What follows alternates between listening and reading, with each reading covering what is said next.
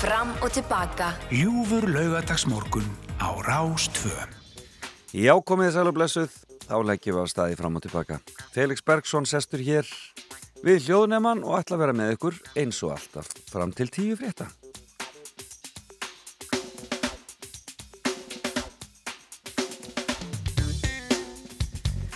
Og eins og alltaf hefur við vonað góðum gestum í fram og tilbaka og e, í fimmuna kemur engin annar en Júlían Jóká Jóhansson, e, kraftliftingamadur, fastegnasæli og næstu því sagfræðingur. Hann ætlar að koma hér og við ætlum að ræða málinn og hann ætlar að segja mér að fimm ákvörðunum sem að hafa haft djúb áhrif á lífans.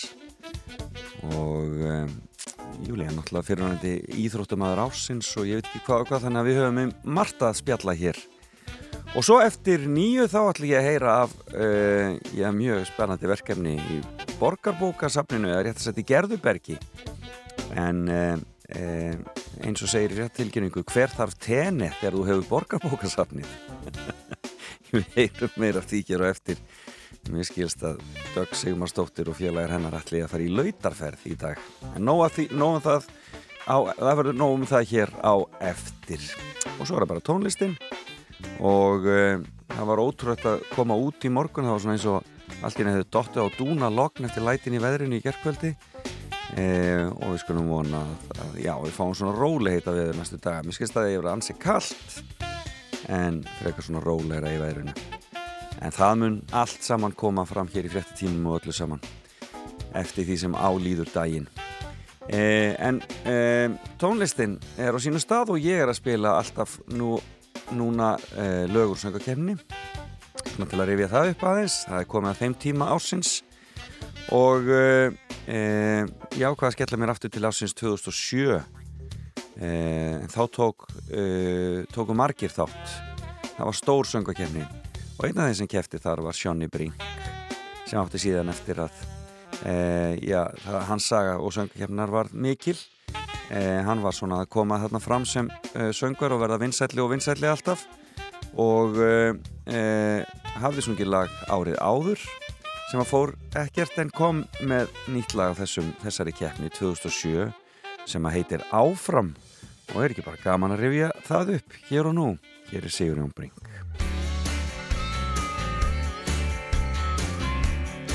Gott pop úr hans ranni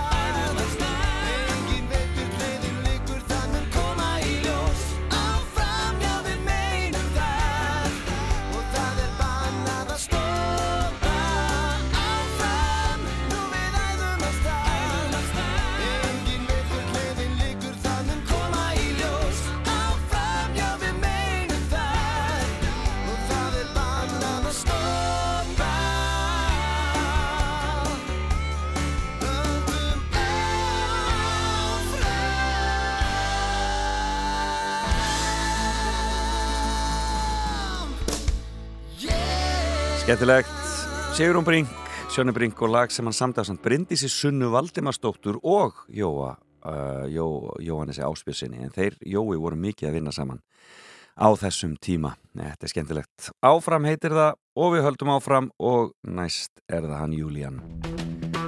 Leifum uh, Emilinu Torrini að syngja fyrir okkur og svo förum við aðra.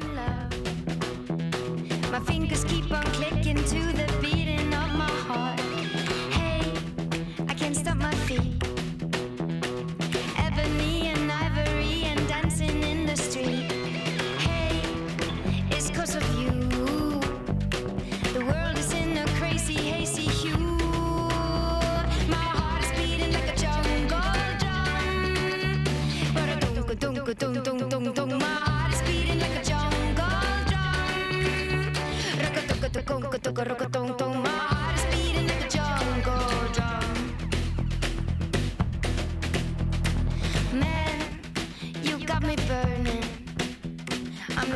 between the striking and the fire.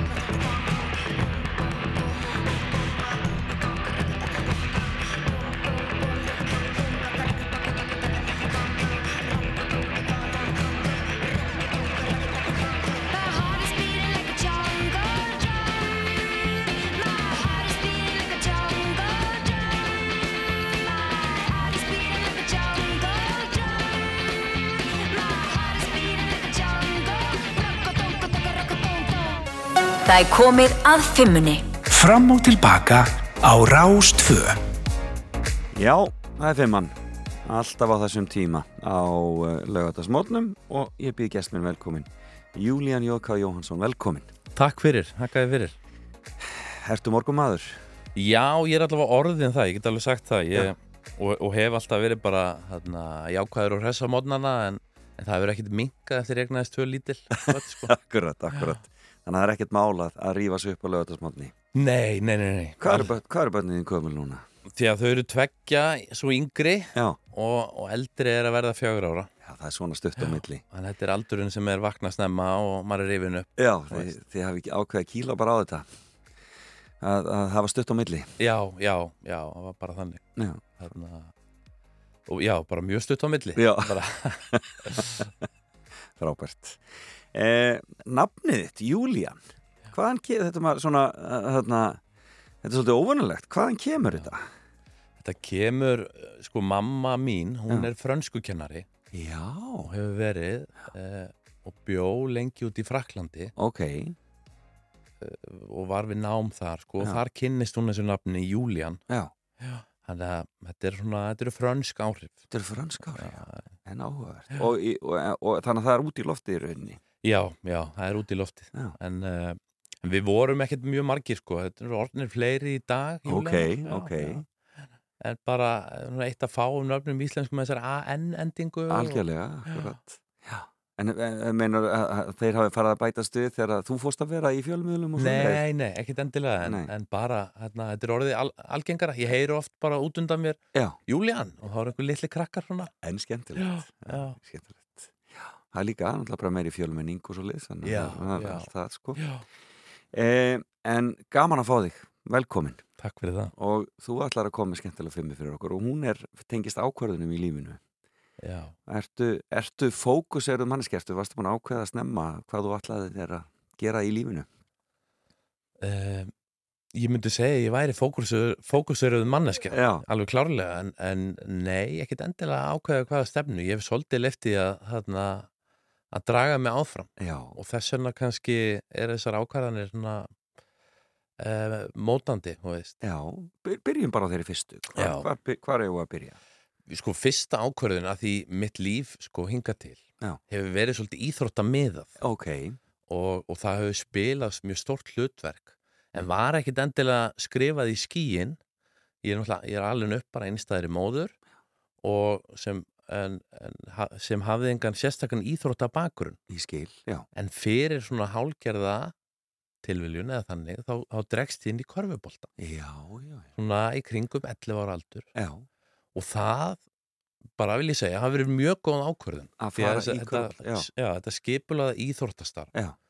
dettur maður inn í eitthvað svona uh, eitthvað utanumhald og, og kynni svo góðu fólki og Eignast vinahóp, vinahóp, vini sem fylgja manni þetta bara geta fyllt manni ævilangt. Akkurat.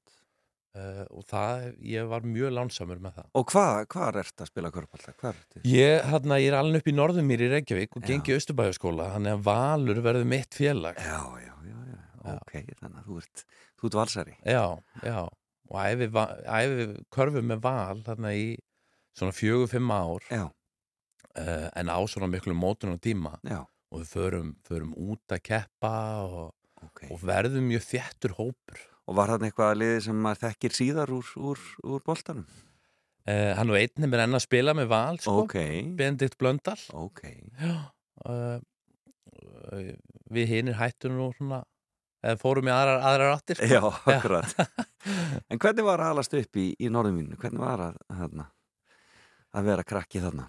Það var hérna ótrúlega gott Já. og þetta er, auðvitað, þetta er alveg við miðbæinn og ég var auðvitað að bera, bera út blöð eins og mörg ungmenni og, og maður svona einhvern veginn lendi oft í, eftir fólki á heimliðu bænum og, og alla vegana sko.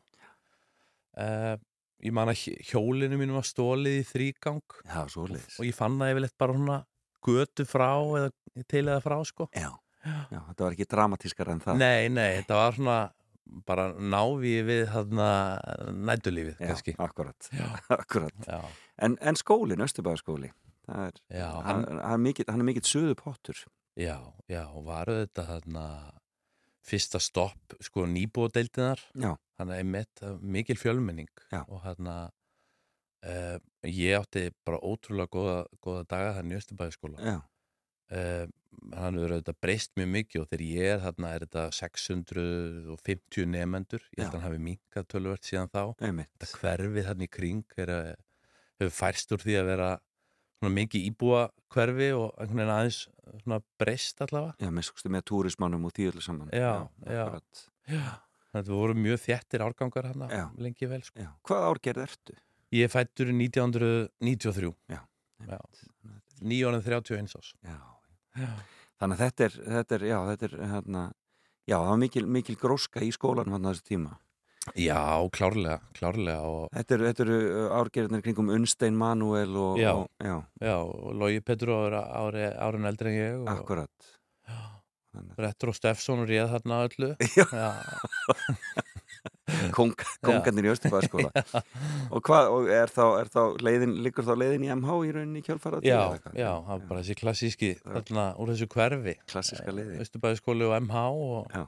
Já, Einmitt. Já, já. En það er semst köruboltinn og, og varstu þá mikið niður í val? Varstu, varstu mikið niður á hlýðarenda? Já, töluvert og þetta verður svona þarna, þetta verður svo þéttur hópur og eins og ég segi við og, og körfuboltin og allt þetta skipulað íþórtastarf, þetta Já. hefur svo margt í ákvætt í för með sér, þetta eru einhver svona struktúr og frítíma þetta eru svona einhverjar heilbreyðar fyrirmyndir uh, að vera að kenna manni þetta eldast við markmið og setja sér markmið Einmitt. og, og þjálfarar á þessum aldri þessum svona uh, barnæsku en samt svona á leiðinni njúlinga árin Já. þetta er svo miklu meira en kannski bara íþróttaþjálfarar þetta eru svona lífsleikni kennarar svo miklu leiti Nákvæmlega, nákvæmlega. ég man hérna það, voru tekni fyrirlestra fyrir æfingar um hitt og þetta eða Já. kom eitthvað upp veist, í skólanum eða, Okay. eða einhverju svona félagslífi þá höfðu foreldrar og gera það eflaust enn í dag, hafa sambandi þjálfarar og ég hef nú ágjör af þessari þróun og þá er bara, hérna, heyrðu strákar, svona gengur ekki Það eða, var bara tekið á því? Já, er svolítið þannig Já, og við vorum með mjög hérna, skemmtilegan þjálfara Já, Já. hver var það? Sævaldur Bjarnason Ok. alveg hérna lét okkur oft finna fyrir því Já. veist, bara, bara hlaupa og, Já. og maður oft fann það sko, hann var búin að horfa á einhverja köruboltamyndir og kom alveg fullur og andagift á æfingar og bara strákað því verðið að hlaupa Já, akkurat. En varstu þá orðin hávaksinn strax hérna um, Já. um 12 ára aldurinn? Já, tölvöld bara fljótt ég raun Já. hæf ekkert hækkað mikið um síðan 12-13 ára sko. Ok, þannig ég er orðin hún er 1,80 þannig þú ert orðin svona mikill Já, strax og þarna. 90 kíló Já. þannig að þetta var svona þetta lá alveg beint við svona næsta skref í lífinu Já, þú veist, en ég var hérna, á þessum tíma var ég svona stæstur sko Já. og svo var ég bara sterkastur þú veist hinn er hann að vaksa framhjá í korfunni en varstu góður í korfunni? já, ég er bara fít, fít sko En af hverju helst ekki áfram? uh, það í raun kannski kemur inn á næstu ákvörðuna Já, hver er- hérna, Hver er hún? ef við kannski bara vindum okkur í hann Já, hver Já. er hún? uh, það sem gerist er að, að að ég fer að finna því ég kannski áhugin minn á körubólta var svo nátengdur félagslífinu líka Mhm. þessu, þessari, þarna, þessum góðu vinum mínum og samferðafólki en svo byrjar að kvikna með mér einhver annar áhugi uh, og það eru kraftliftingarnar Já. og ég hef oft talað um það að við komið þarna ég hef þarna bara eina svona á einhverju tímapunkti sem lísti þessu sem stóra ástin í lífi mínu Ok, skilur, já. en, en ég ætla að varða alveg hel tekinn og, og, og, og bara var mjög ástriðufullur fyrir, fyrir kraftliftingum Og er það þá bara, ertu þá að byrja að lifta þá bara með boltanum í rauninni eða svoleiðis? Eða, Já, en, en hugsunin var samt aldrei að ég væri að lifta með boltan heldur var ég í raun mjög fljótt komin í boltan með liftingunum ég skil þig, ok. og ég var farin að borða ekstra mikið fyrir körfuboltaæfingar svo ég myndi nú örglega ekki léttast Það var svoleiðis. Já, það var þannig Þannig að þú varst alveg, fannst alveg fjölinni þannig. Já, Það er náttúrulega salur, voruð þið þá liftað niður á hlýðanenda í salnum þar eða hvað? Já fórum oft þangað sko Já. og hann ég svo sem var líka með kort í líkasrættastöð Já. ég man að hann ég labbaði inn í eina líkasrættastöð í, í hérna túnunum hátúni eða eitthvað og, og labbaði inn og ætlaði að kaupa mér árskort Já. Og var bara að sapna hana í hana, og þið ber út blöð og eitthvað og bara tilbúin með peningin Já. og ég sagði já, ég ætlaði kannski að fá árskort, hvað kostar það? Hún horfir á mér svona hún var strax svolítið skrítin. Og hún segir já, 55.000 en hún var svo skrítin að ég hugsaði já, ég kannski, ég sagði henni, ég kem á morgun. Og en svo var stöðin farin á hausinn daginn eftir eða, Það var eða bara, þannig, já. já, Hún næstu því sagði þér að já, væri ekki, þetta væri ekki málið. já, Já, hérna hér. Já, svona, já, gott að taka þessi, já, taka þessa impulsa stundum. já. En sko, hvað ertu gamallan þegar þú ert að detta inn í kraftlýtingarnar? sko þannig er ég 15 ára Já, ok. og, og það er í raun þessi stóra ákvörðum fyrsta var í raun bara að, komast í þetta skipulega íþróttastarf sem Ok. að hleður einhvern svona grunn finnst Einmitt, mér já. og svo er þessi ákvörðun ef fyrsta er að byrja í körfubolta þá er önnur stóra ákvörðun mín að hætta í körfubolta Nákvæmlega, já. og, og, og þetta eru bara góðar ákvarðanir því ég trúi því að maður eigi auðvitað að vera tilbúin að, þarna, að hætta einhverju eins og maður á að byrja einhverju í einhverju Já, nákvæmlega. En, en ég man á þeim tíma svo mikið talað um það og skrifað um það í þessu öllu að hætta í íþórtastarfa úlingsárum þá, þá kemur margt svona inn að maður munir nú jafnvel alltaf vera hætt einhverju sem Já, eftir er já. eða að þetta einhvern veginn þú veist, einhver svona sem er alveg rétt maður á auðvitað að reyna að fylgja sér og svona, en, en það getur líka þýtt að, hætta í einhverju Já, já, akkurat, það er bara þannig. og, og 15 ára byrja ég að æfa kraftliftingar Og þú æfir bara, þá byrjar þú bara að æfa af krafti já, já, með þjálfara og svo leiðis. já. Og hvaða félag er þá? þá ég raun skrá ég mig í Ármann Já, bara, og hef verið þar síðan Já, Ármann í er- lögutanum akkurat. og uh, og æfi, já, bara æfi mjög stíft ég var að, var að bera þess út á þessum tíma en þá sko. Já, og ég man ég fór oft og, og bar út hjólaði svo á æfingu og fór svo í skólan í tíundabekk sko. Þannig að það var alveg svona Það var alvöru fókus bara. já, en ég, veist, en á sama tíma þurfti ég ekkit endilega að æfa fyrir skóla því ég Nei. hafði ekkit endilega neitt að gera eftir skóla. Nei, en þetta var bara, maður var í einhverju svona hugarásandi þess að maður vildi vera að leggja svo mikið á sig. Já, svona són eitthvað. já, En ég meina, þú ert náttúrulega ennþá að vaksa og þroskast já, 15 ára. já, já. Er það, er það, uh, er þetta góð íþrótt fyrir, fyrir ungar mann sem er að vaksa að, að vera í Já, ég held að, en í þessu eins og öllu öðru þá, þá er það auðvitað að gæta einhvers konar meðalhófs og, Akkurat, já, og fara varlega Já. og ofbjóða sér ekki. akkurat Það er þetta, þarna, þetta má ekki vera ofbeldi, þetta er að vera veist. Og hvernig tóku aðrir í kringum því því að þú værir búin að komin í þennan pakka? Ég held að kannski brá einhverjum en, en ég, held að, ég held að margir hafi samt einhvern veginn bara tengt þetta saman. Já, þetta hafi bara gengið upp hjá mörgum. Já. En ég var líka svona feimin með þetta og, og vildi ekkert alveg vera að segja ég var að æfa kraftliftingar, kunni ekki við það fyrir en að ég væri búin að keppa eða Skilði, skilði mér fannst því eins og ég þurfti að afreka eitthvað í þessu áður en ég myndi segja ég var í kraftliftingamaður eða, eða eitthvað. Einhver tilfinning sem ég fann aldrei í körfunni. Ég skilði. En hva, hvenar, hvenar kemur þá fyrsta afrek í því? Er svona, Það er mjög fljótlega, bara í raun 9-16 ára þá keppi ég fyrst í kraftliftingum Ok, og, og það var svo sem ekkit stórafallarlaust, ég fjall úr á mínu fyrsta móti og, og en, en mínu öðru móti bara mjög fljótlega, gengur bara ágætlega Já. En, en bara, svona, bara byrjandi, eðlilega. Eh, og svo er það kannski hálfa ári setna þegar ég keppa mínu þriðja móti sem ég kannski bara þá kom ég 20 kílóum þingri Já. búin að æfa allt sumarið og, og, og þá líka bara sást það að, að þetta var mín grein svolítið. Frábært Já, Frábært. Um, Já, þannig að þetta út komin á, á kafi þetta þarna strax svona ungur. Já, já. Það er ekkit allir sem að byrja svona ungir e, í kraftliftingunum er ekki mjög algengt að menn sé að koma sko jafnvel síðar eftir Jú, eftir ferilíðunum íþróttum?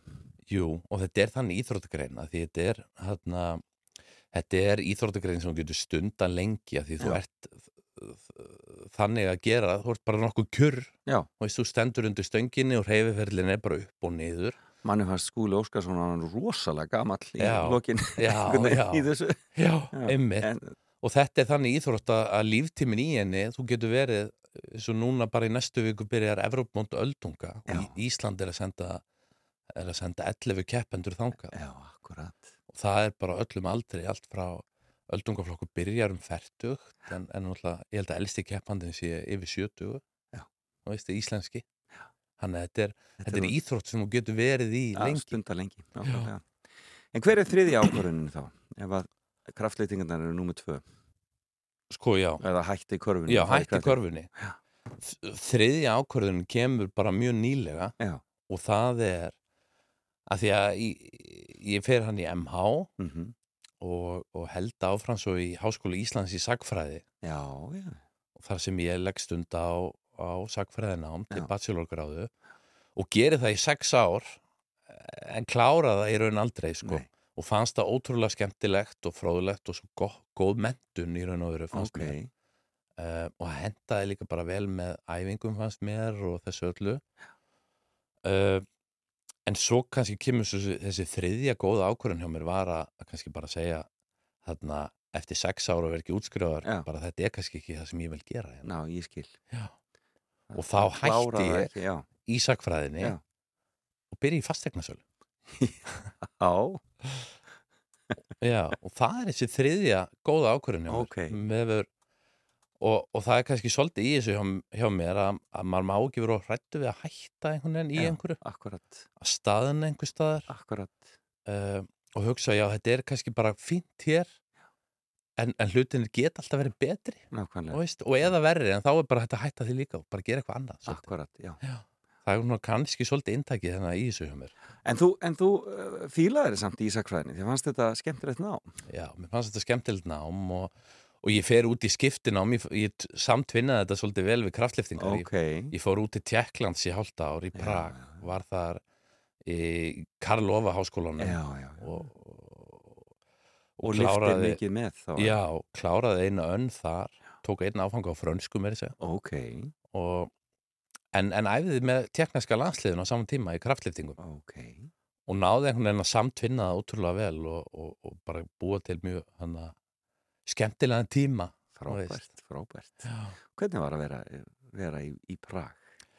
Frábær borg, Dásana borg, Já. já, mjög skemmtileg og Og kannski svona, þú er kannski kynst henni svona aðeins fyrir utan þessa staði sem að við túristarnir Já, já, ég er náttúrulega bæði þarna í háskólanum og, og en það verða svolítið mismunandi þarna þetta er eiginlega tvö líf svolítið þegar maður er þarna því ég er bæði í háskólanum og, og, og reyna að taka þátt í með stúdentunum og Já. hana. en svo er ég líka í þessu útkvæðavagimmi með tjekkneska landsliðinu Já. og, og meiri þess að einum úr rúsneska landsliðinu var þarna Ok, uh, og fór með þeim oft í svona ferðir á mót svona í kringum Prag og, og einu svona kerði við kerði, við, kerði ég með tjekkneska landsliðinu til Luxemburgar gegnum allt ok, sko. já, já. og hann, hann þetta, var- já, þetta voru algjörlega tveir ólíkir hópar Og varstu komið með já. Nei, en ég ég gat panta mig kaffi Já, og, og mat og svona eitthvað Ok. og búið góðan dag og, og sagt hvernig hefur það og þetta var svona aðeins En þú segir og þegar þið ekki kursa fransku Talar þú franskuna? Nei, ég get bjarga mér. Já, og svo bara þarna barðist ég í gegnum hennar kúrs Akkurat. eins og ljón. Já, var bara þannig. Bara hringdir í mömmu með reglunum já, já, það var svolítið þannig sko. Hvað heitir mamma þín? Petrína Rós, Og hvar kennir, hvar kennir hún fransku? hún kennir í mentaskólanum í Sund. Já, já, já. Já. En, hún, var, en hún hefur ekki bara franskunni inn í þig hún hefur náttúrulega reynt það sko.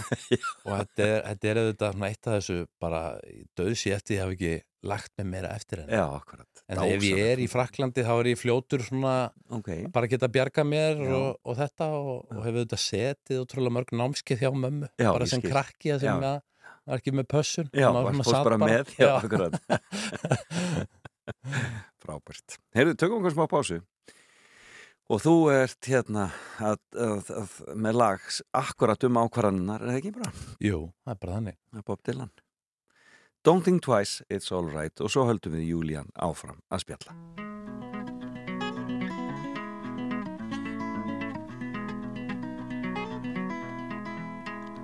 Well, it ain't no use to sit and wonder why, baby. Even you don't know by now. And it ain't no use to sit and wonder why, baby. It'll never do somehow. When your rooster crows at the break of dawn, look out your window and I'll be gone. You're the reason I'm a traveling on. But don't think twice, it's alright.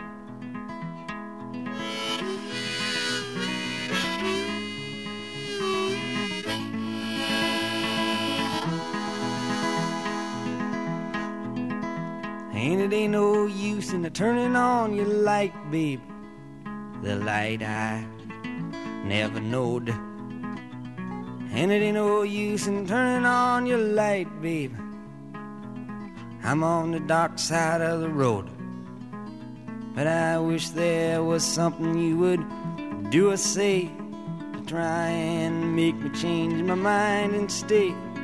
But we never did too much talking anyway. But don't think twice, it's alright.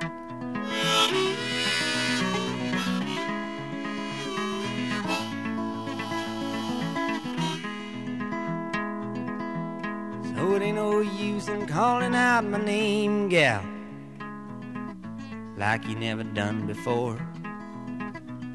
And it ain't no use in calling out my name, gal. I can't hear you anymore.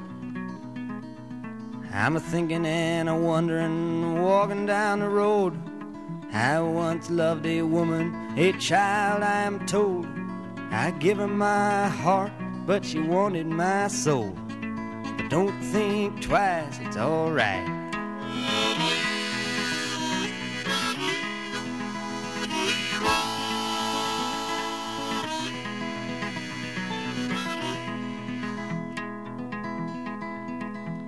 So long, honey, baby, where I'm bound, I can't tell. Goodbye is too good a word, baby. So I just say fairly well. I ain't saying you treated me unkind.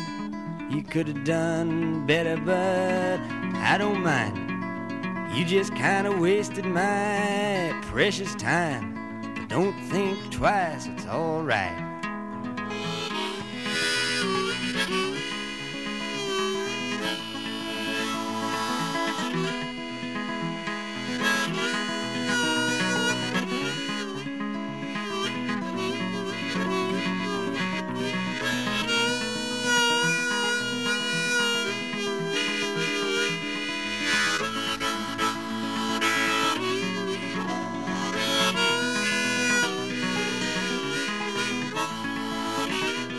Bob Dylan Don't think twice, it's alright Gaman að rifja þetta upp og þetta er valviðmaldar mín sem er Julian Jóð K. Jóhansson sem situr hérna hjá mér Þetta Jóð K. Hvað er það? Það, ég heiti Júlían Jóhann Karl Jóhansson. Já, já, Það varði einhver svona stefna að stitta þetta á einhverju tímapunkti. Já. Hún var bara svona þjalla fyrir vikið, fannst mér. Já, akkurat Þannig að þú notar það aldrei Nei, nei, ekki svona. Þetta er svo langt, sko. veist. Akkurat, akkurat Já, Júlían alveg nógu gott. Já, það stendur svolítið út Já, mann eftir því sko. já. e, Við erum búin með þrjár ákvarðanir þær, þær tengjast í að byrja í körubálta í val og svo að hætta í körubálta að fara í kraftlýtingar og svo að hætta í sagfræði og fara í fasteignarsölu Já, Þannig en, þú, en, en sko þessi sagfræði áhugi var hann alltaf til staðar ég meina þegar þú varst í skóla og já, já. Og ég hef einhvern veginn, ég hef bara átt gott með að lesa og Ok. alla tíð og, og þótt þetta áhugavert og, og kannski býja því að, að ég er mikið hjá af og ömmu þegar ég er ungur. Ok, og, og foreldrar mín er svo sem eldri en foreldrar jafningja minna. Já, þannig að ég get alveg trú að það hefði spilað inn í sko, maður væri svona inn, innan um öðruvísu umræðuefni. Já Bara frá eldra upphafi, sko. fólk bara hreinlega og þá, já. Já, þarna, hvað var það í sagfræðinni eða svona í sögunni sem að þú varst varstu, varstu svona styrjaldamaður eða? Nei, ég var mjög hrifin að þessari upplýsingasögu og, og svona hugmyndasögu umhverju og, og svona þessari kannski félagsbreytingar í, í kjölfar upplýsingarinnar. Einmitt, Bara, einmitt. já, svona, það, já, mér þótti það mjög áhugavert. Það er það líka. Mjög hvernig, hvernig, hvernig heimurinn okkar þróast Já, einmitt og hvernig mikið þess að við búum við í dag kannski bara kemur einhvern stefnubreiting Já. í hérna 1600-1700 já, akkurat og svona þessi félagastarfsemi ég vinna framgangi ákveðina málefna Já. skýrist sko. já, akkurat Mér fannst það mjög áhugavert. Ég, ég hef ekkert svona, hérna, að því sagfæræðin þetta er svo vítt hugtak og sumir eins og þú segir eru bara í, í styrjöldunum og, og aðrir í þessu. og í Ég, ártölum og já, já, ég var ekkert endilega þar, sko. Nei, ég Og það er náttúrulega klassíst svona í heita pottinum, svona, já, hérna, já, ert í sagfæræði, hérna, setni heimsturöldin, mannst eftir þessu. og það var aldrei eitthvað minn, svona, tepóllið, sko. Nei, akkurat Skemmt. En fastegnasalar, hún greip mig alveg bara og, og, og, og á þessum tímapunkti Já, að skipta þangað yfir og þá var líka námið var svolítið svona markvissar að því leiti til að þú ert að keppast að einhverju réttindum og meðan sagfræðinu svo opinn að þú Ég- svona ferð svolítið. Og þú gæst ekki hugsaður að fara í kennslu eða að fara að kenna bara? Í, sko, mér finnst, mér finnst gaman nú þarna, mér finnst mjög gaman að kenna eða Já, þannig og, og, og tala bara og, og, og ég hefði alveg getað að hugsa mér það á einhverju Já. en svo í raun kemur þetta COVID-tímabil Já. og, og það breytist svo ótrúlega margt í mínu lífi þarna á þessum tveim, þreim árum. Og ég raun bara kollvarpa svolítið mín tilvera. Ok, bara, hérna, ég fer inn í þetta ballaus, kem út, tveggja bara faðir bara tveim árið veist. Og hérna var íþróttumar ársins rétt fyrir. Einmitt. Og svo eftir þetta þá hérna var ég svona ekkert endilega á því að ég ætlaði að, að keppa á sömu sama stað sko Á áfram. sama level Já, já, þó að ég auðvitað sé ekki búin að ákveða neitt Nei, akkurat en það er svona, auðvitað kemur inn annað með, með börnum og ég var búin að vera, var orðin 180 kíló rétt fyrir COVID-ið Já. og svo er ég allt innu og bara í mínu besta formi Já. veist, og ótrúlega sterkur og ég var að lifta ótrúlega þingdum bara í kjallara heima hjá mér Já. en gat aldrei keft neitt á þessum tíma. Þannig ég var svona þungur og sterkur en gat eða ekki nota það í það sem ég átt að nota. Einmitt. Þannig ég einhvern veginn bara tek þá stefnu að ég létti mig og fer niður í þingdaflokki verið neðan. Já. þar sem allt verður auðveldar að nema það að lifta Ég veist. skil þig, ég skil þig. Og, og ég kem eða út úr þessu bara svolítið breyttur maður Já, sem er bara held ég þarna mjög jákvætt af því eins og kannski með hitt maður verður einhvern veginn að þróast áfram. Hver er fjórða ákvörðunin? sko fjórða ákvörðinu var kannski hún er svo sem bara eins og, eins og svo margt annað tengd þessum kraftliftingum. Af því að ég er ég byrja að æfa kraftliftingar 15 ára sem þýðir að ég er búin að æfa þær kraftliftingar stærri hluta lífsmýns en ég hef ekki eftir. Já. 16 ár. Já. Og, og það er voru núna nýlega að byrja að þjálfa kraftliftingar. Já, já, og hefur verið að taka á móti fólki á öllum aldri. Já. það er, þetta er það sem ég vinn við núna að þjálfa og svo selja fastegnir já, og ég tek á móti fólki bæði á grunnámskeiðum og svo bara keppendum á heimsmeistaramótum og, og, og hjálpa þeim svolítið. Já. það er það sem eins og við vorum að tala um að kenna þá er þetta svolítið kennsla. Maður er að, að hérna, leiða fólk í gegnum um, sumir eru þetta bara að, að ná sér í einhverjuna heilsu og það er orðið svo almennt í þessu að, að hvað það að lifta hefur góð áhrif á fólk vinnur gegn hérna, beinþynningu, bætt líkamstaða styrkir allan líkamann og hérna, sem er eitthvað við þurfum öll á því á að halda. Og svo er þetta sjálfströst og, og, og það allt saman líka. Já, bara hitt huglæga. Akkurat og, og þetta er svo stert en svo fæ ég líka hérna, eins og ég fór með uh, Guðfinn hérna, vinnu mínum á heimsmeistaramót núna í fyrra. Ok, uh, hann er eiginlega allur skalinn og það Já. var líka svo góð ákvörðun hjá mér. Ég var búin að vera svo hrættur við að fara að þjálfa taka Akkurat. skrefið út Já. að ég er búin að æfa þetta svona langan tíma. Já. En var einhvern veginn hálf feimin við að að stíga út og, og, og, og, og kenna öðrum Já. sem er í raun að því ef, ef maður hugsaður eitthvað þá er það ótrúlega gott og gefandi fyrir mig þessi ferill sem ég hef átt Já. en auðvitað er svona aðsta markið ef maður fer aðeins stígu tilbaka að geta hjálpa öðrum nákvæmlega í sinni vegferð það er í raun kannski það sem skiptir svo miklu máli akkurat. hvað maður gerir við það sem maður lærir það sem ég hef lært á mínum 16 árum Já. Ef, ef ég get nýtað einhvern veginn í að beina öðrum þannig að þú fóst í kjensluna eftir saman. Já, ég fór í kjenstum, svolítið þannig. Eldir, eldir móðurinn en í það svolítið. Já, já, já, frábært. Um, þannig að það er í rauninni fjórða ákvörðun bara að fara að þjálfa fólk. Já, já. Og, og ég var búin að hrættur einhvern veginn við það minn feril sko að, að þetta myndi skemma fyrir minni ástriðu ok, og þetta, maður, ég væri þá orðin of mikið í þessu. Já. ég væri að þjálfa og kenna mm og æfa. Uh, en svo held ég bara þetta bara auki við þetta hjá mér. Og, og, og þetta bara axla meiri ábyrð og, og sinna fleiri verkefnum og, og fara svolítið út með það bara sem maður er að gera. Já. og ég var oft kannski bara hrættur um að eitthvað myndi ekki taka svona lagað eða væri ekki áhugið eða eitthvað þannig ég er svona já, kannski bara býð með þetta Já. eða, gerir þetta ekki. En svo, en svo er það bara alltaf lægi akkurat, þú veist, ef eitthvað gengur ekki, þá bara snýr maður sér að næsta. Nákvæmlega. Og það má, með, það má hætta. Já, má hætta. Og eins með fastegnasöluna sem hefur, ég hef þetta byrjað á mjög sérstökum tíma. Ég byrjað fyrir rúma ári síðan og þetta er búið að vera sölu lægsta ár já, í nýju ár. Já. en það hefur gengið ótrúlega vel hjá mér ok. og og hvar, bara, hvar ertu? Ertu bara allri borginni eða ertu svona einhver Já. það er einhverju sérstökum stöðum? já, já, já, ég er bara út um allt ég Já. vinn á Rímax fastegnasölu Já. og hef selt bara frá Sandgerði til Hafnar í Hornafjörði Eða bara og- svo leiðis já, já, Já. já. Og, og bara hefur ótrúlega gaman að því líka sko. og gaman að hitta fólk og vinna með fólki já, og, já. já, og það er eins eh, svona hjá mér, ég fann það líka bara eftir að hafa þarna unnið á ýmsum stöðum í sakfræðinni var ég, var ég á listasafni Einars Jónssonar í mörg ár ok, og, og svo fór ég á stuðla meðferðarheimili. Ok. Vann þar og, og allt einhvern veginn lítast að ég í þessum samskiptum sem Já. mér finnst svo skemmtileg og, og gefa mér svo mikið og eins og í, þessari- í kennslunni veist, eða í þjálfuninni þá er það að vinna með fólki. Frábært. Fymta ákvörðun. Já, það er sennilega svo stærsta bara en þarna uh, tengist bara ko, það tengist konunum minni Já, og það er sko ákvörðun hennar og, og mín að bara að, þarna, að þetta væri málið sko, Að kýla á þetta, já.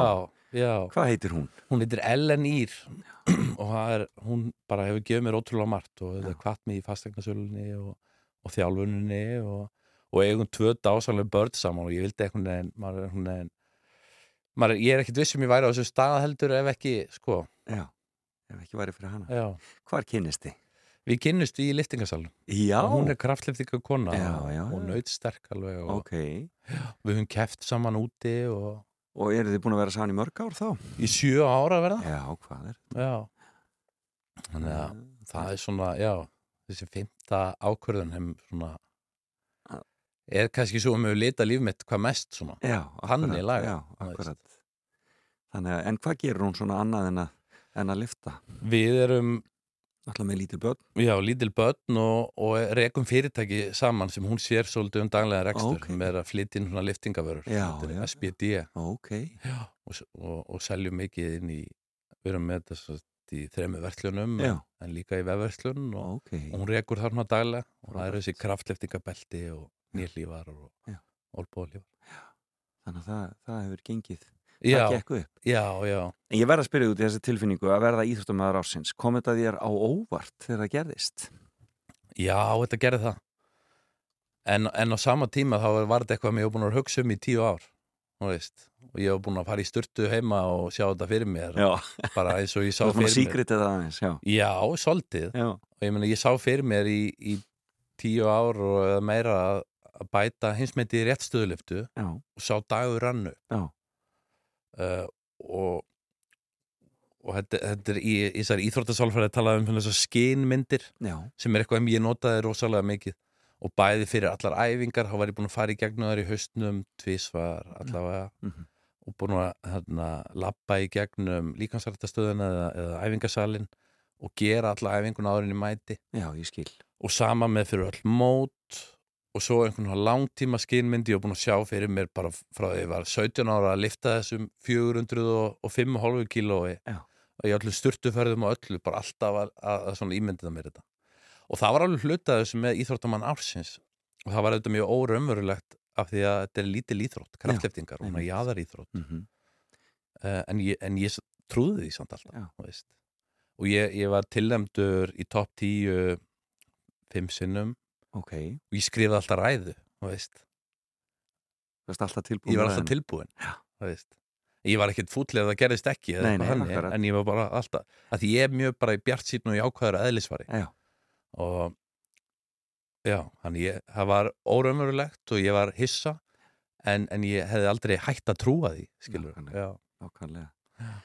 hvað ber framtíðin í skauti sér? Ertu að fara, að, ertu að fara á, á, þú lendir í meðslum já, þannig að það hefur aðeins stoppað þig núna. Já, já, einmitt. Ég ég reyf lið þóa í fyrra og Já. í hnénu og, og tafði svolítið æfingar hjá mér. Uh, en það verður bara svolítið að koma í ljós. Ég æfi alltaf vel og það er ekkert sem ég finnst skemmtilegra en, a, en að reyfa mig og, og þú ert með æfingasal heima semst eða litla æfinga aðstöðu heima hjá þér? Nei, í rauninni ekki, já, allan búnað en, en eftir, eftir COVID-ið þá verður þetta nú bara fylst af dóti sko. já, akkurat, Þú ég man eftir þér einhver, einmitt í COVID-inu í þessari kompu að já.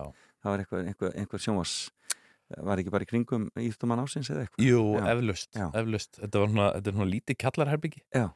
og ég tók néböður þannig uppi vegg sko. já, og þegar ég var í efstu stöðu og horfði ég svona út um lítinn glugga. Og svo um leið og ég fór að beigja mig niður þá hætti semst glugginn og ég horfði bara á veggin og svo þegar ég kom upp úr hérna þá horfði ég aftur út um Já. þetta var mjög svona komísk aðstæða sko. en, en bjargaði mér alveg á sín tíma og, Já. en já, mér finnst mjög gaman að hefa mig og, og æfa og, og af íþróttum þannig að þú með við um eftir að sjá þig að keppnisvellinum eftir já, eflaust, eflaust sko. akkurat Júlían, það var frábært að fá þig gaman að fá þig hinga til mín í, í, í, í fram og tilbaka og bara Já. við fylgjumst áfram spennt með þér þjóðin Takk fyrir gerist það. næst? Og já, ótrúlega gaman að koma til þín. Gangið er vel á lífsins vegi. Og endum þetta álægi sem að er já svona lægið ykkar ykkar ellenar já, ég Ha. bara tilenga henni þetta lag hérna í, í bara útvarpinu. Kæra þakkir, takk fyrir spjallið. Takk. You get high on the casa, you find tongue off the lawn, you monk up the rouser, and you sink off the wrong. You pick up the basic, you grin at the lawn.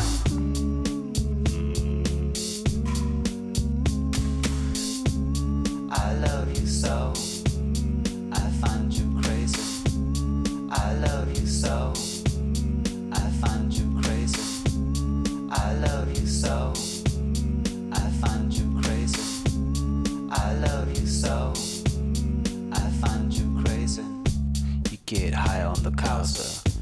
You find tongue off the lawn. You mark off the rouser. And you shake off the lawn. You pick up the bases. You cring off the lawn.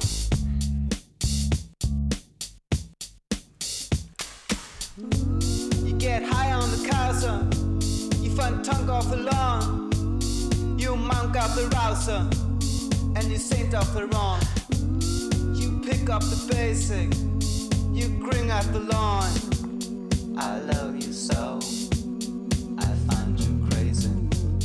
I love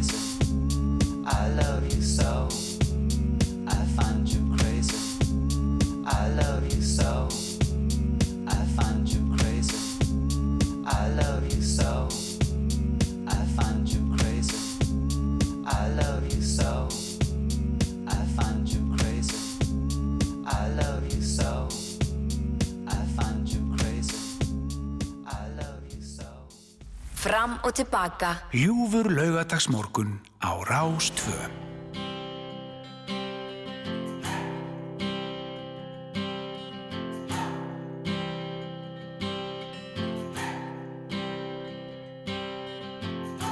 trying to do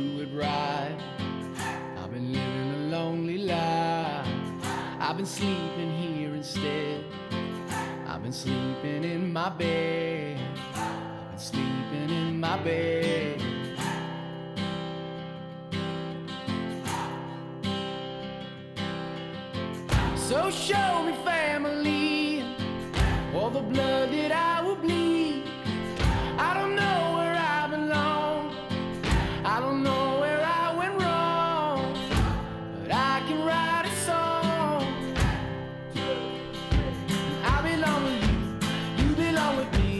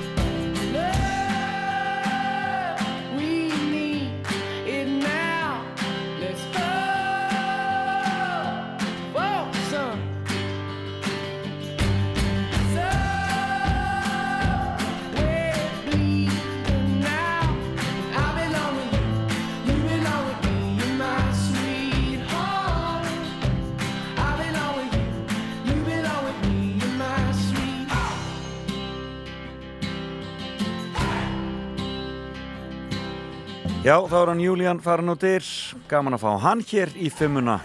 Frábær viðmarlandi og ef þið mistuða spjallinu þá getið þið náðu þessu eftir að þættinu líkur hér hjá mér, þá verður þetta allt saman komið inn á netið. Við hefum eitt lag eftir fram að nýju fréttum. Leifum því að vera Jón Jónsson. Lag sem heitir Spilaborg. Og svo koma fréttinnar og svo höldum við áfram í fram og tilbaka.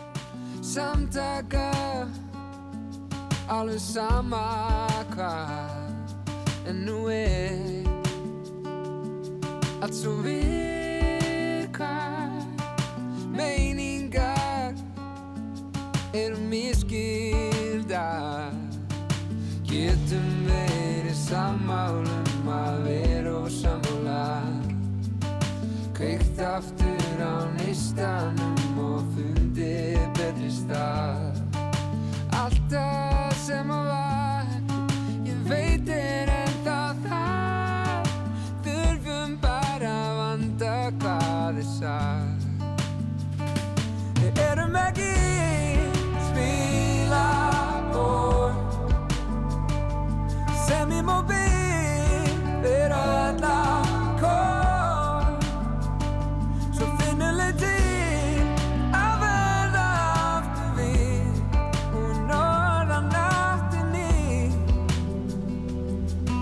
like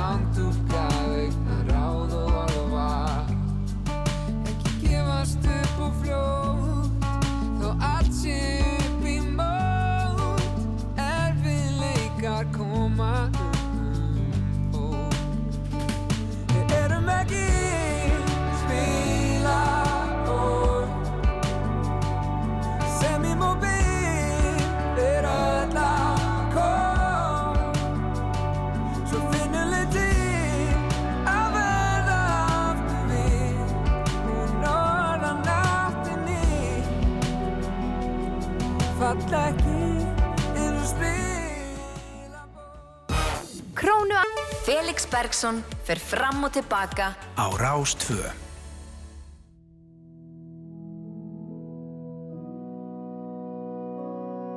Já, við höldum áfram í fram og tilbaka og það er Jónas Sig sem hefur þetta hjá okkur á samt lúra sitt þorlagsafnar.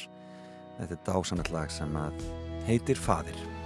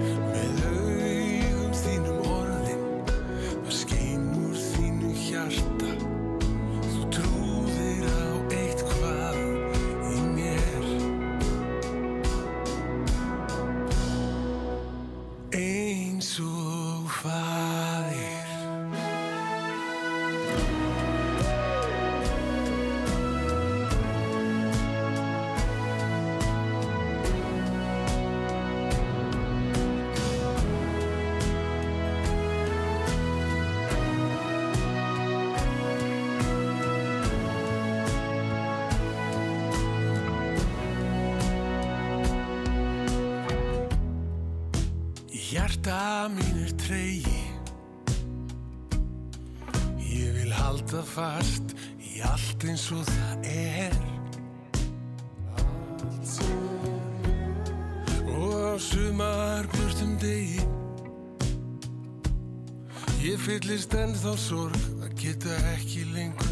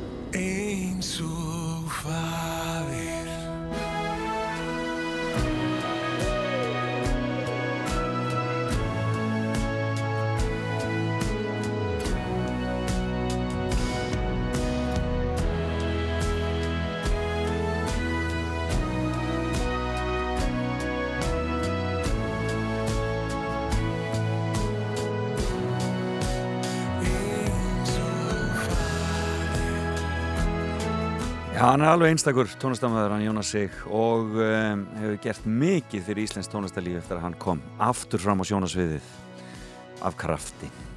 Þeir eru hlusta fram og tilbaka, gestur minn í morgun, Júlían J.K. Jóhansson, fastegnasali og kraftliftingamæður og fyrrum nefandi í sakfræði og, og auðvitað íþróttamæður ásins. E, og hann var sérstaklega gaman að fá þann góða dreng hér í heimsókn. Og e, spjallið okkar verður komið inn á netið fyrr en varir. En hér á eftir þá ætlum við að heyra af e, lautarferð í Gerðubergi, hvorki meirinni minna, meirum það eftir smástund. En ég fór alltaf inn að hugsa um T-Rex, fór að langa til að rifja þetta upp. Þetta er náttúrulega bara snild, sko. Mark Bólan, þarna í farabroti.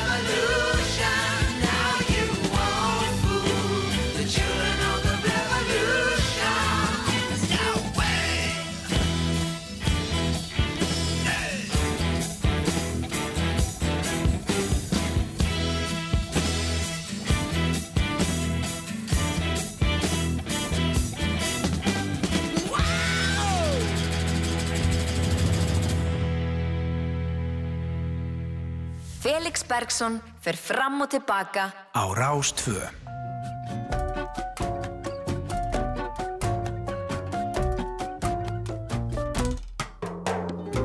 Ef úti er ruslitt og slapp Slæmar fréttir einn tómt hvað Ef tilveran er taut og þas Og tænt er sérber pilluglas Já, ef kvíðinn fer á stjá krækir í þig stóru tá Klestu ekki á vegg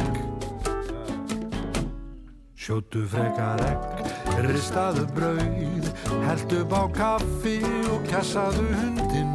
Mundu að vandinn er á stíðarbundin, sjóttu frekar egg. Ef mjöðminn jamt sem minnið fer og manían í dvala er Úr eldinum í öskuna, þú eirar beint með flöskuna Býrð einn með svörtum buksunum, í súrum joggingbuxunum Unnsapnast á þig skegg.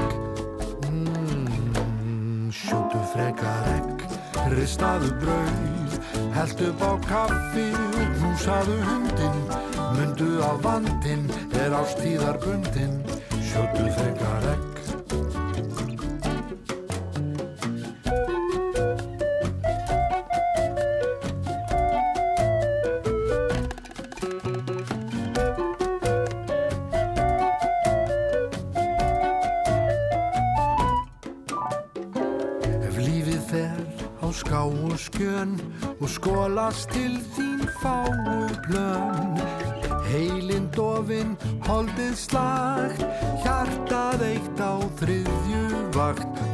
samband svo meðvitundarlaus. Og sængina dregur upp fyrir haus og sendir frá þér negg Æ, sjóttu frekar egg, ristaðu brauð, haltu upp á kaffi og gítlaðu hundin, mundu að vandinn er á stíðarbundin, sjóttu frekar egg,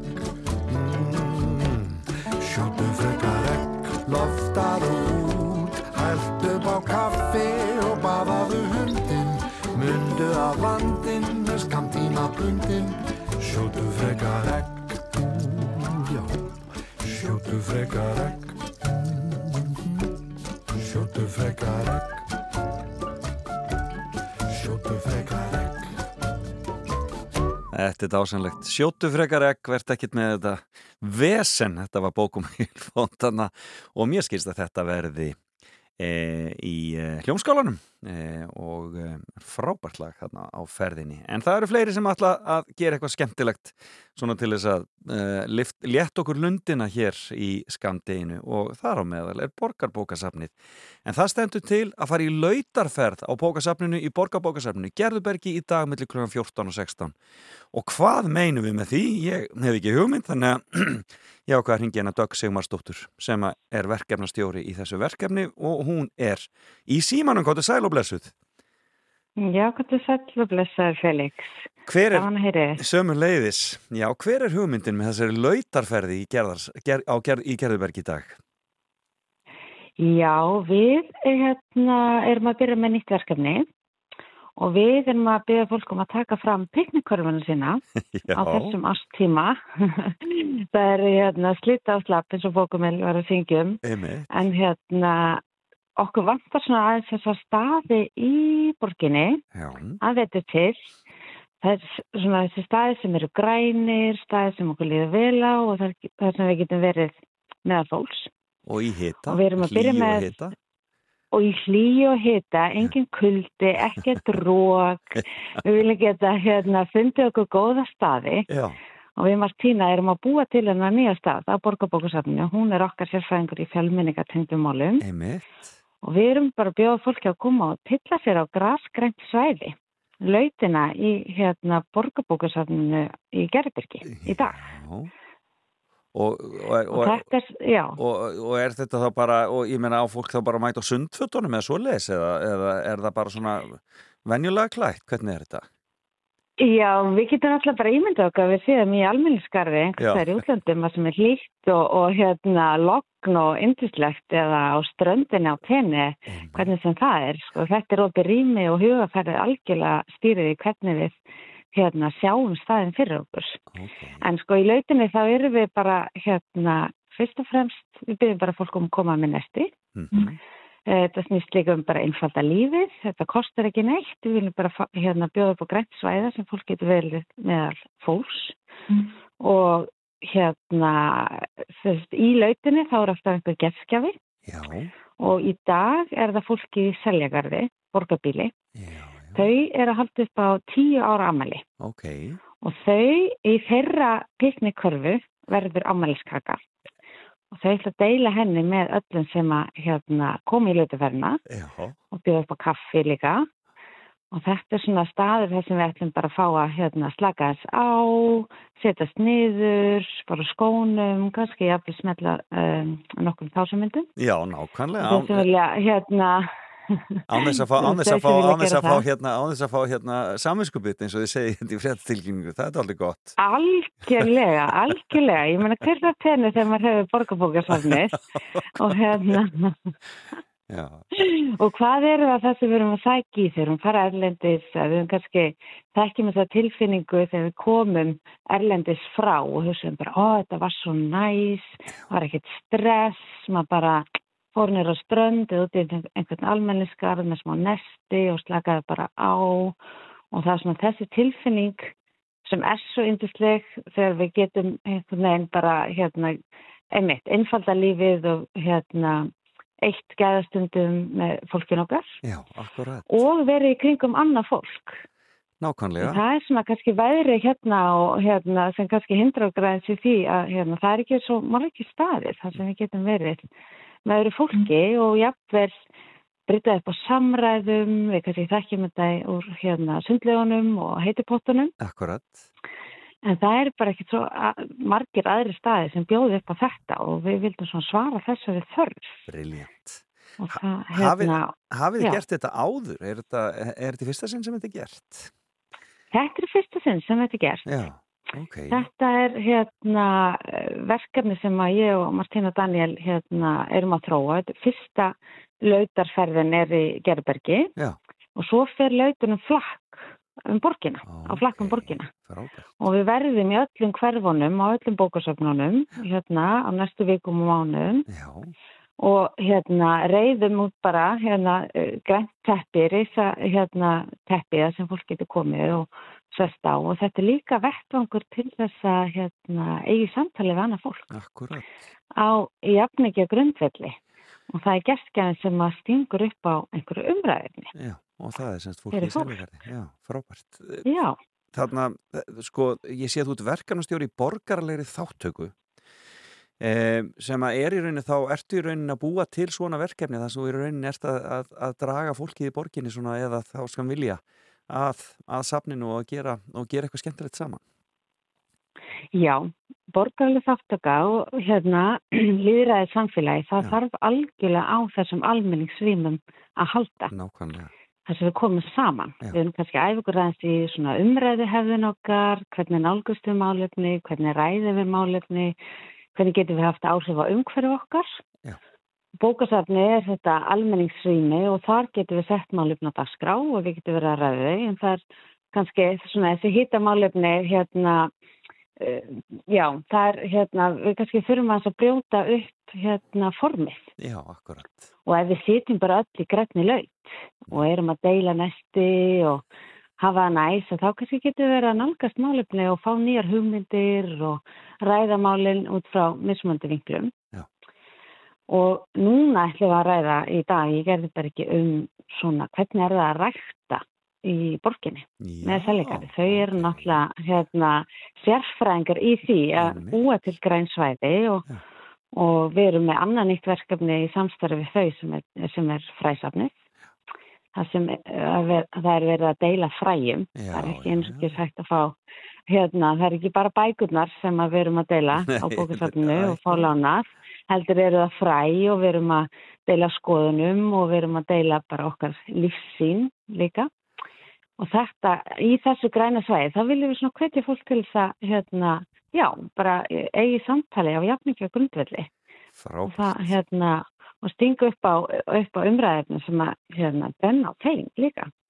Þetta er gríðarlega spennandi og byrja klukkan tvö í dag upp í Gerðbergi hvet alla til þess að Já. sem hafa áhuga á að tekka á þessu og taka með sér teppi og jafnvel nesti og tilla sér Algjörlega, Gerðbergi. algjörlega. Við erum búin að setja upp sólhlífarnar og reyða fram teppið klukkan tvö og við bara hvetjum fólk til að koma til ykkar. Hjá okkur er ekkert rók, engi kuldi, ekkert kjaftaði, bara næs. Frábært. Ég beði heilsa Martínu, kæra þakki fyrir spjallið, Dögg Sigmarsdóttir. Kæra þakkir, Felix. já, bless, Bless, bless.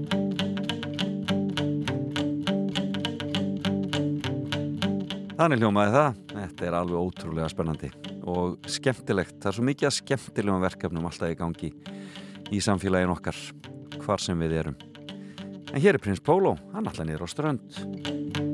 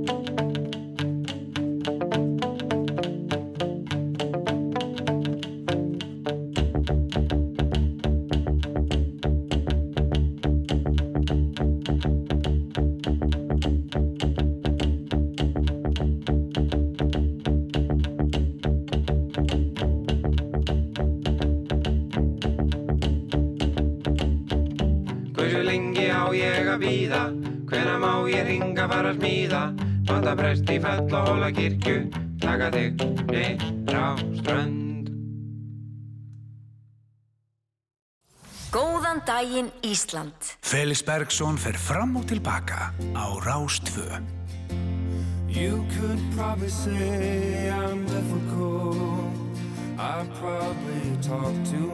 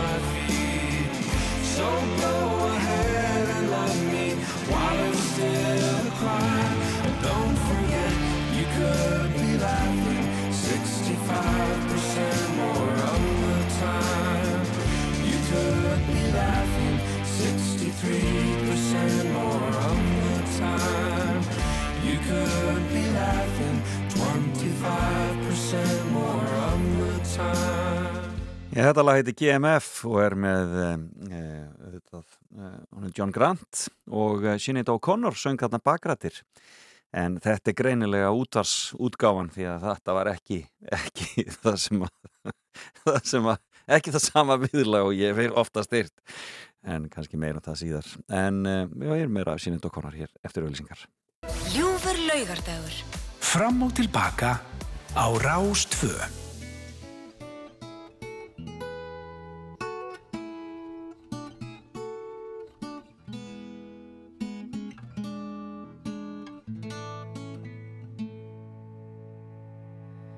Chickadee, tell me what's wrong. You're in shame.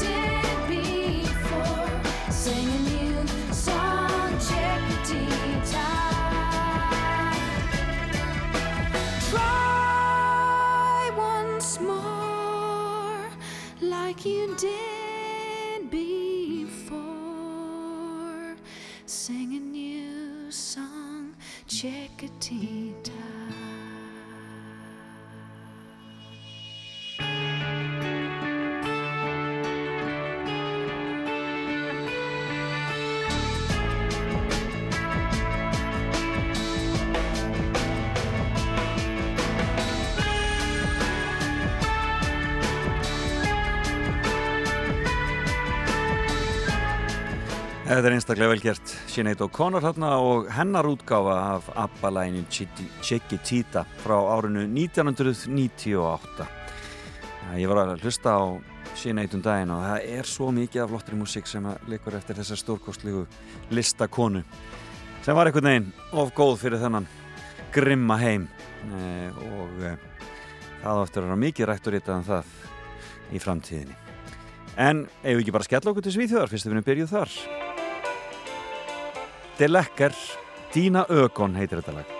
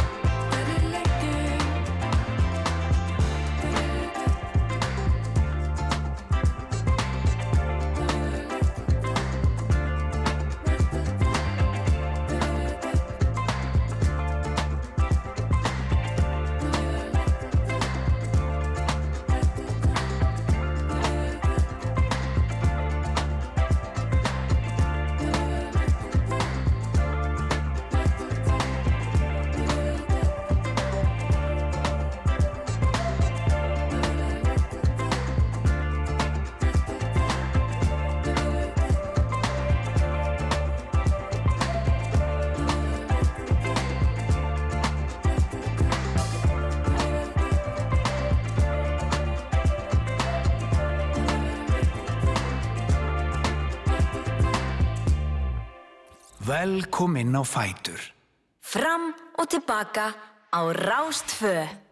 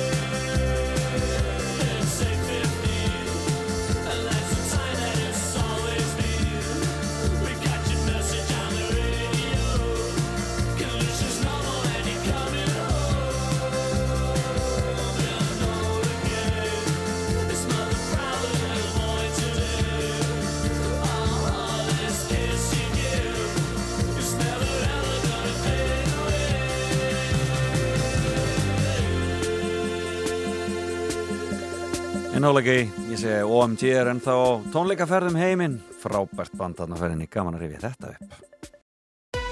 Velkomin á Fætur. Fram og tilbaka á Rástföð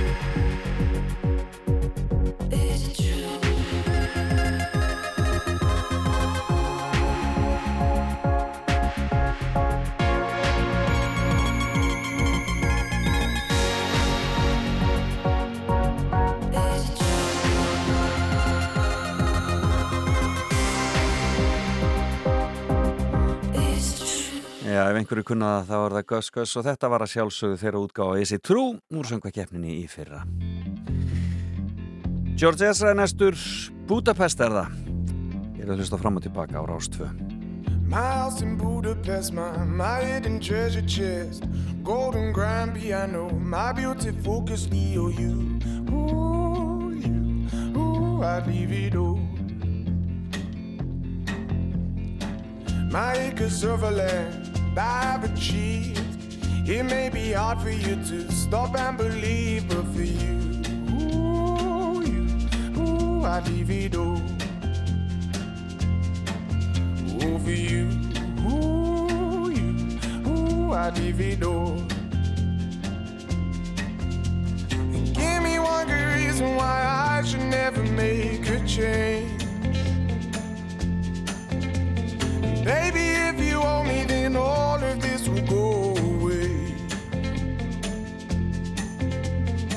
My many artifacts, the list goes on. If you just say the words, I, I'll up and run onto you. Ooh, you, ooh, I divido. Over you, ooh, ooh, I divido. Reason why I should never make a change. Baby, if you owe me, then all of this will go away. Give me one good reason why I should never make a change.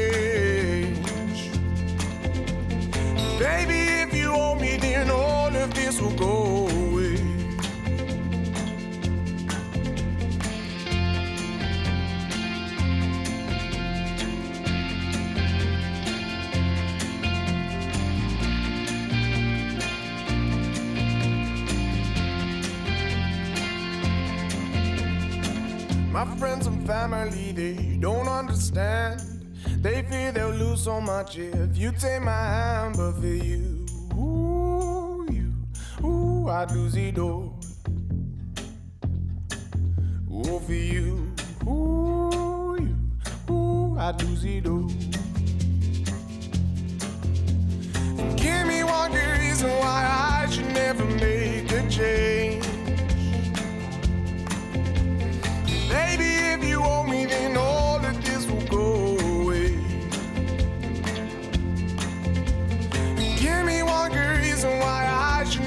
Make a change. Baby, if you owe me, then all of this will go away. My house in Budapest, my, my hidden treasure chest, golden grand piano, my beautiful Castillo, you, ooh, you, I'd leave it all. Ooh, for you, I'd leave it all. Góðan daginn Ísland Felix Bergsson fer fram og tilbaka á Rástvö. Já, það búið að ljúft að sitja með ykkur þennan lögadagsmorgunin eins og alltaf en uh, þetta er að verða búið hjá mér í dag og það er uh, já, Hulda Geirsdóttir sem tekur hér við og situr hér í stað uh, Sörkusólar og ætlar að vera með ykkur í þættinum hennar hér uh, eftir tíu fram að hátegisfréttum og uh, þar á eftir uh, förum við á hljóðveg 1 og það er þau Jóhann Alfreð og Steinei Skúladóttir sem verða þar á ferðinni.